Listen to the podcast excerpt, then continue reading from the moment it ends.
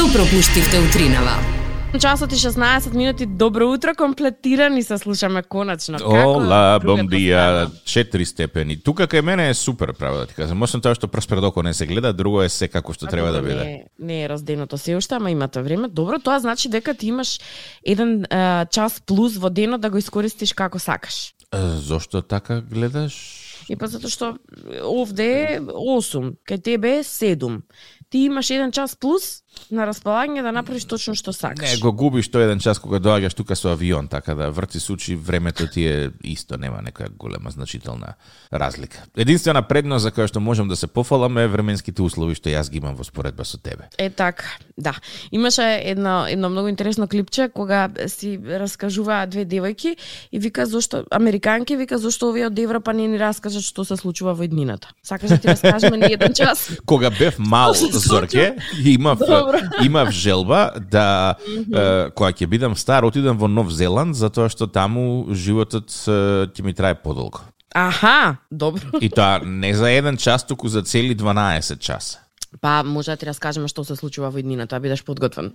Може, зошто да не. Да, секогаш сум Па отворен да, за, па- за сугестии и за муабети. Па едноставно си мислам дека навистина може да придонесам како да знаеш што ќе се случува во денот, еден час ако ти кажам, ти раскажам овде што се случува, а ти од минатото, не, како беше од од тоа што уште не е случено, одиш директно во иднината. Сега ќе ти кажам што ми се случи вчера, а, а реално ми се нема случено до сега. И малку ме Ајде. остави чудо невиден. А, немам пасош Добро. со Северна. Што значи дека од 12.2 веќе ќе ме биде лимитирано движењето. Е, Така. во Скопје термин за пасош ти е научна фантастика. Значи поголема е шансата лото да добиеш отколку термин за пасош. И викам ајде ќе тргнам по амбасадиве да видам каде се издаваат пасоши. И најблиску тука дзнг вртам во амбасада во Мадрид. И викам леле тешко мене сега нема ни да се јават како ќе се разберам со нив катастрофа. шанси. Е, вртам бројот во Мадрид, на првото звонење бе зрн не напри телефонот, некој вика бом дија амбасада до Македонија де Мадрид. И ја онакав збунет, а, а викам Не бев подготвен за ова. добар ден. И она вика Добро. добар ден, повелете. И викам вака и вака, ја пасош барам. А, вика господине, ние пасош овдека во Мадрид не издаваме. За жал, вика. Да пробате у Парис. А, е, викам, оваа лоска Мадрид, Парис, што добро. И се заблагодари фино културно на госпожата во, во Мадрид и викам, ајде сега Парис. И викам, ова со Мадрид, викам, 100% беше некој инцидент предизвикан од Матриксот. Викам, нема шанси толку брзо да се јавија. Сега Парис, викам, никад нема да ги добијам. Дзанг, вртам у Парис. Е, Бонжу, амбасада до Републик Македонија до Нод ла Пари. А, увикам тоа на второто Ау! звонење. А, увикам што се разработиле овие е, по амбасадиве. И викам, добар ден, добар ден. Ја викам, пасош сакам. И тој вика, а, господине, се пријавивте ли? Ја викам, како да се пријавам? Викам, ја, пасош ми треба, викам, да видам која е процедурата. Е, викам, процедурата е следна. Ке ни испратите, вика, по пошта, По пошта. Добро. Да. А, копија од стариот пасош, ќе ни испратите по пошта копија од таму кај што седите визата или престојот и ќе ни испратите по пошта уште нешто друго, три документи беа. И што ќе направиме ние? Вика, ние е, ќе ги процесираме овие документи, ќе ги пратиме во Скопје и кога ќе дојде термин, вели, ќе ви се јавиме да дојдете во Париз да ве сликаме, а после вика може да ви го пратиме пасошот во Мадрид. И јас си правам математика, викам од кај мене до Мадрид 500 км, од кај мене до Париз 1200 км. Да идеш тик-так будалче, да се сликаш, зошто? За 1200 км. Добро, викам, ајде. Хипотетички и тоа да го направам. Кога, викам, има термин? Епа, вика, дечко, пред тебе на списокот има 740 лица. Значи, некаде, да вика, термин у јуни месец ќе добиеш. Вау, добро. Ја викам, 40 души. Ја викам, добро, фала многу. И после некој ми вика, «А да пробаш, вика, онака у Шведска или у Данска. Викам, друже, не се накренуем од Португалија до Шведска и Данска, додам да вадам пасош, па мајка Јана нека викам, ќе си седам тука со стариот. Како ме избркаат, ме избркаат, тоа е тоа.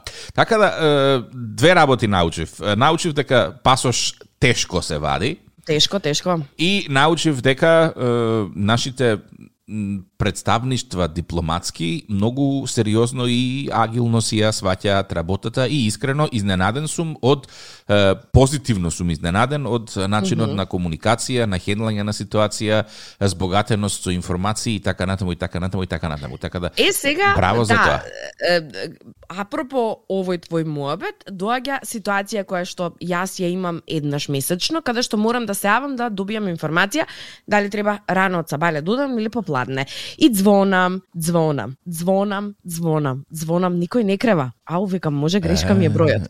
Звонам пак. Јас тоа очекував која вртев по амбасадија. Никој не се јавува, пази, мислам, на крајот ми доаѓа да одам пешки и да прашам, извинете, телефонов дали работи. Третиот пат се јавува една и јас да. нели нормално љубезна. Не, се јавувам. Молим, викам добар ден, среќни празници, како сте? Едно прашање дали ќе може. Кажи. Викам вака и вака информација ми треба од Сабајле. Трас телефон, ни чао, ни пријатно. Така да ве- верувај дека со текот на годините ќе почне да ти фали оваа комуникација на директно давање на информација и на момент кај што се јавуваш за да добиеш информација најљубезна, а од другата страна ја добиваш информацијата, ама така си викаш може и не требаше да се јавам. Може требаше да пуштам графчиња и да видам дали утре треба се бајле или попла. Не, да ама види, ја очекував баш онака или никој да не се јави или да биде како да, кажи, што? И после вика, а, фино културно се јавува со име на институцијата. Јас Значи сакаш да ми кажеш дека јас од овде шокиран. да се јавам во Мадрид ќе добијам многу по љубезен да речам третман отколку што би се јавила овде две улици подале, така? Јас добив, да. И во Мадрид и во Париз.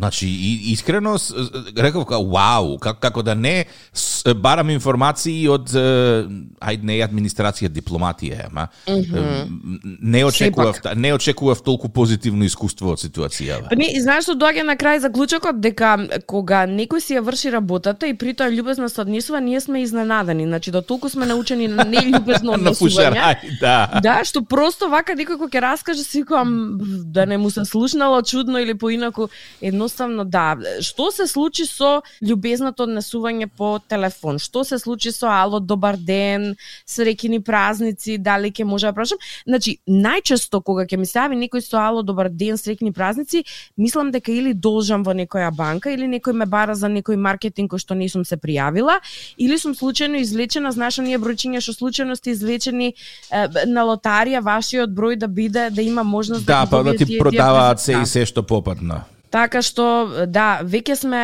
па би рекла не знам, не, некако многу сомнително го доживуваме моментот на љубезност. Ајде, ма, доста зборуваш. Чао. Кога треба да се видиш со пријателки низ Скопје, како најчесто оди договарањето? Па, е, прво и многу важно на двете дани е барем на пола пат или на едната да е поблиску. Второ е многу важно да има паркинг место. И трето и уште најва поважно од сето тоа, ако веќе нема паркинг место, барем да има опција како двете да дојдеме. Значи гледаш која ти е најблиска точка на двете. Нај не знам, најфино што ти е да дојдеш во смисла да има превоз, нели, да не е скапо. Сега, ако живее, да речеме, пријателкава, ја ако живеам во Ѓорче, пријателкава во Драчево, ако живее, гледаш некоја центарска точка за да може на двете да им биде окей. Еве да кажеме хипотетички ти живееш во Скопје, а пријателката ти живее во Гевгелија. Како би го организирале вашето дружење? И па, или јас би отишла во Гевгелија или би ја поканила да дојде во Скопје, по логика на нештата така. Е сега, си биле две другарки во Англија, во Велика Британија. Добро. Едната си живеела во Ньюкесл, а другата си живеела во Бирмингем. Тоа ти е зорки од прилика, м, како да кажеме, Скопје Гевгелија некаде. Не, тоа е Охрид Гевгелија, да кажеме. Значи, од е, километражна перспектива, некаде околу 380 километри, значи би кажал Охрид Гевгелија толку би дошла ако Охрид, одиш. Охрид Гевгелија ако има експресен пат, Хипотетички кажано, да. Добро. Е сега, е, разликата помеѓу Македонија и Велика Британија е тоа што во Британија Ньюкесл и Бирмингем се поврзани со воз. А во Скопје, Охрид и Гевгелија не се. Е сега, цената на картата на возниот билет да се стаса од Ньюкесл до Бирмингем чини 105 фунти. добро. И е, за да еднава другачка отиде на гости кај другата, требала да фркне 105 фунти. Е, арно, ама ниту на едната, ниту на другата и се трошеле толку пари, па затоа решиле да се сретнат во Шпанија. К... Сега си цела као... зошто? Зошто? Да, тоа сега брашам во Англија, зошто Шпанија додат? Затоа што со субвенционираните нискобуџетни авиокомпании летот до Шпанија за едната чинел 20 фунти, а за другата 55 фунти. Што значи дека и двете заедно да ги соберат цените на картите, нема да достигне 105. Нема да достигне 105, да. Плюс ќе отидат во Шпанија. Вау, тоа ти е нешто како на пример јас и другарка ми, еве јас од Ѓурче и другарка ми од Драчево да се сретнеме во каде се сретнеме во Италија. да, ама ти Во- каде од Драчево во ќе лета другарка ти, јаве. Од Драчево ќе летаме двете. Во Милано би се сретнале да речеме да пиеме кафе и ќе се вратиме истиот ден. Лелелеле, колку добро, предобро. Значи, е, пази, и тоа е тоа. И м, истово се случува многу почесто во Англија, не само за оваа дестинација, вели цената на возот е скапа, цената на нискобуџетните авиокомпании е ниска и затоа луѓето ќе одат да надвор од. Англија.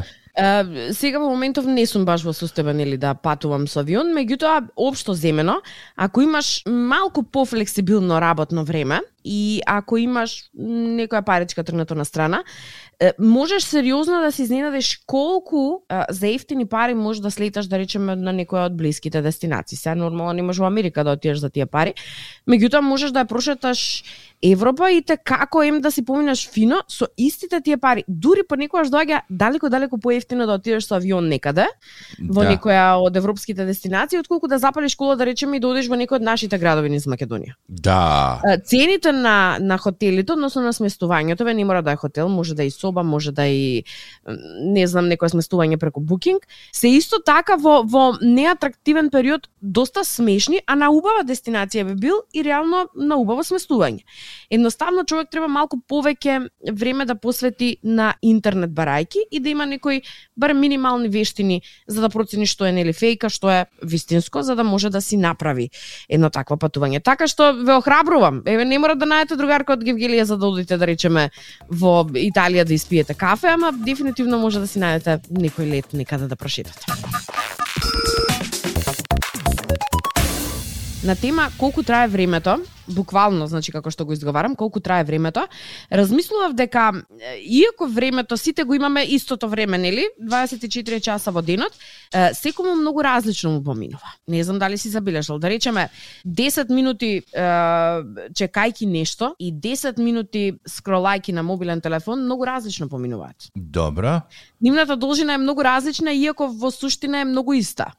Да речеме, не знам, а, два дена ако треба да чекаш за нешто да ти се случи убаво или некое патување ако треба да ти се случи или плата треба да ти дојде, изгледаат како цела вечност. Два дена, полни со работни обврски, деца на курс, а, не знам, од гости, дома да исчезиш, поминуваат вака. Сериозно имам проблем некогаш со времето и тука мислам дека настанува најголемиот проблем кај луѓето кои што го планираат времето однапред. Не можеш да планираш затоа што на секого различно поминува времето. И се ова многу смешно звучи и многу нелогично, ама ај размислете, да речеме, кога последен пат ви се случило да седнете, дали да гледате филм или да скролате на мобилен телефон и два часа да поминат вака, како две минути. Да, бум, лета времето. А ако треба 5 минути да чекаш или 3 минути да чекаш да речеме нешто од микро да излезе или да се испече нешто или некој да ти се јави, 3 Лета. минути се како 3 сати. Да, да. Значи да. тоа е цела вечност. Тоа е да тоа е минути. теорија на релативитет Зорке во практична примена. Да, и, и едноставно, знаеш, се воодушевувам колку долго траат 3 минути понекогаш. Мислам дека секој од вас го има ова искуство, но едноставно понекогаш минутите траат толку долго цела вечност. Тоа најчесто може да ви го потврдат е, деца, основци или средношколци, особено средношколци, кога чекаш да задзвони. Бескрајно е. Да, а кога кога а кога се Да, губи кога час, голем кога се одмор губи или час или многу брзо поминува вака 45 поминува. минути. Да, и, и до ден денешен не успеав да најдам начин како да ги изедначам времето кога нешто чекаш и очекуваш и времето кога нешто правиш. Едноставно знае да ми пролета времето. Е, ова најчесто родителите на мали деца ќе ви кажат: "Еј, да од, како од вчера да ми порасна." Mm па понекогаш чекаш многу, чекаш нешто да се случи, чекаш да да заспие, чекаш, не знам, едноставно животот не треба да ни поминува во чекање, ама особено кога ни поминува во чекање, имаш чувство дека чекаш цела вечност, а се работи да речеме за 15 на минути. Така што размисли на оваа тема, мене ми се гледа многу интересно секој пат кога го размислувам како едноставно времето, иако исто за сите нас, понекогаш е цела вечност, а некогаш прелетува.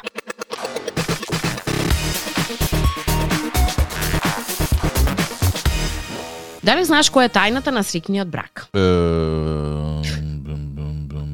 Тајната на срекниот брак е што помалце да се гледаш со брачниот партнер. Не. Не. Добро. Не,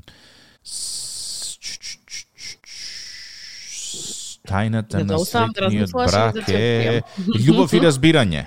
Па да, до некаде се разбира, тие се две многу важни компоненти без кои не би имало брак. Мислам дека ако немаш љубов и разбирање, џабе се друго. Ама има една тајна која што мислам дека ако не ја знаеш некако џабе, џабе се. М, тајната на добриот брак е да биде сопругот најаден цело време. И тоа, ама и тоа е па составен дел, не е пр- пресуден дел за среќен брак, не е тајната за среќниот брак. Тајната на добриот брак е да не си во брак. Што би рекол еден мој пријател, е, бракот всушност представува извор на проблеми кои што би ги немал доколку не си во брак. И тоа е една теорија, ама не е ни тоа тајната на, на успешниот брак. Тајната на успешниот брак е во големиот семеен буџет. Е, Знае века тоа следно ќе оди, ама не. Е, не знам. Се откажуваш? Да.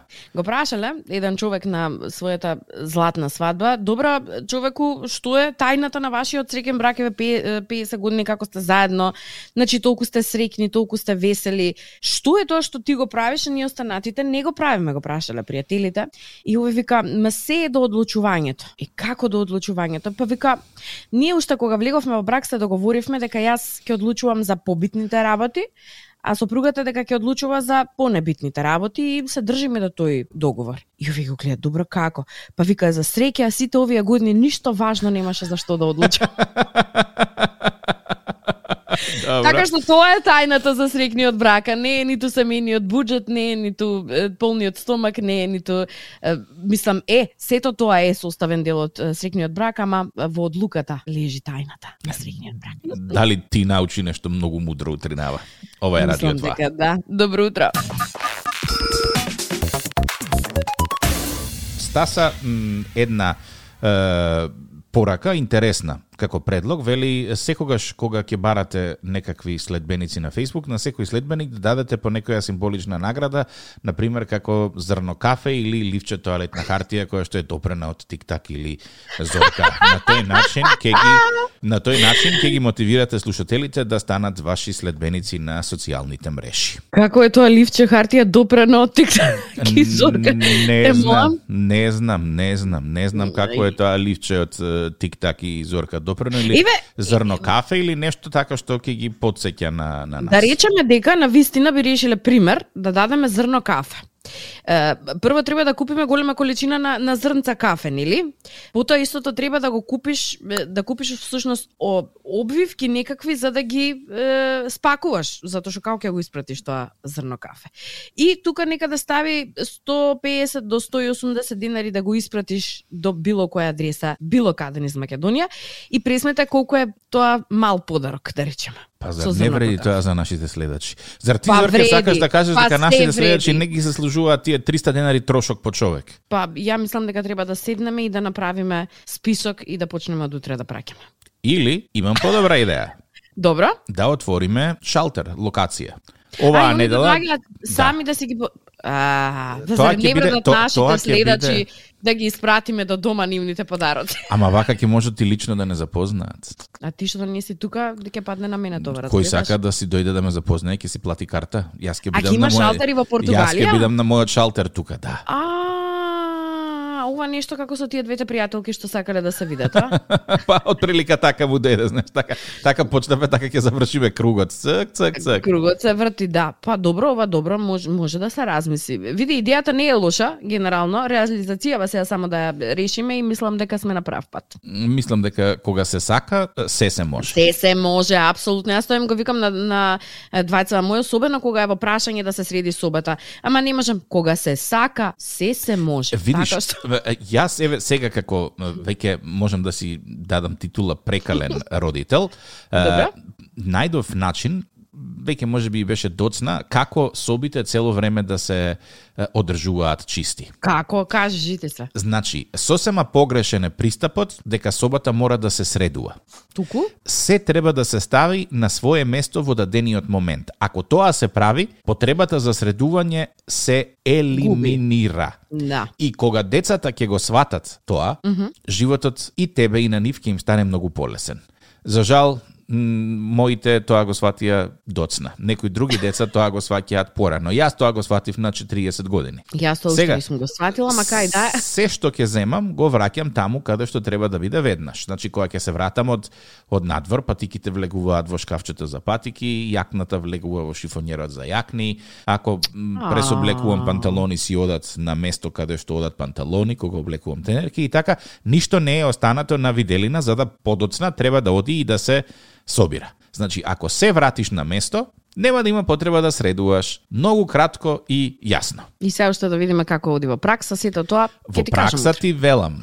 утре нема да ми кажеш, можеш да ми кажеш за 2-3 месеца евентуално, меѓутоа утре не. Ова е процес кој што треба долго време да се применува за да е, се видат некои видливи А што е тогаш со што е тогаш со е, столчето кое што стои во секоја спална соба, јас мислам, каде што се обесуваат лиштата кои што не се доволно е, валкани за да одат на перење, а не се ни доволно чисти за да се вратат назад во плакарот. Е, сега ќе ти кажам, столчето ќе се замени со една е, метална како закачалка. Ги има во Икеа. Добро? Значи, м, и на него ќе си закачиш закачалки, и на него ќе си ги обесуваш тие алишта кои што не се доволно чисти да одат во е, шифонjer, а не се ни доволно валкани за да одат во перална. И ќе имаш плюс уште еден отворен гардеробер во кој што ќе ти бидат тие алишта кои што се моментално во ротација. Значи дека ми фалат уште 60 квадрати за сето тоа да го Не, не, не, не, не, не, не ти фалат 60 квадрати, ти фали метро. Желба, метро, што ми фали? Па околу метро отприлика, да. Метро, Добро. метро и 20. Ај баш да не правиме експеримент да видиме дали тоа функционира. Па ќе ти кажам еве како што велиш за некој месец дали тоа функционира онака како што ти е, велиш дека функционира. Еве го, го има во Икеа, само 65 евра. Ау, за само. Да. И уште да има кој да ти го донесе. Не, ќе си го најдеш тој и тука ќе си го купи. Ја ќе ти го донесам Зорке. Е, ако ти А. решиш да да да ја направиш таа промена во твојот живот, јас е, ќе ти го донесам. Еве ти го Добро. е, на Вибер ти го пуштив, ти го пуштив да видиш како изгледа. Значи попрактична работа од ова здрави. Ем не е се натрупано на столица, Ама ова што ова? го има во други бои. Го има во друг ба, леле, Зорке за бојата се фати. Го има во други бои, не се секирај. Не, знаеш што, ова како сите да речеме кои што нешто сакаат да направат, а го одложуваат, го одложуваат, па кога ќе дојдеш до моментот дека еве го конечно, а во други бои го има, а работите до 8. така што да. На Радио 2, секој работен ден од 7.30. Будење со Тик-так и Зорка. Во случај на неконтролирано смеење и симптоми на позитивно расположение, консултирайте се со вашиот лекар или фармацевт.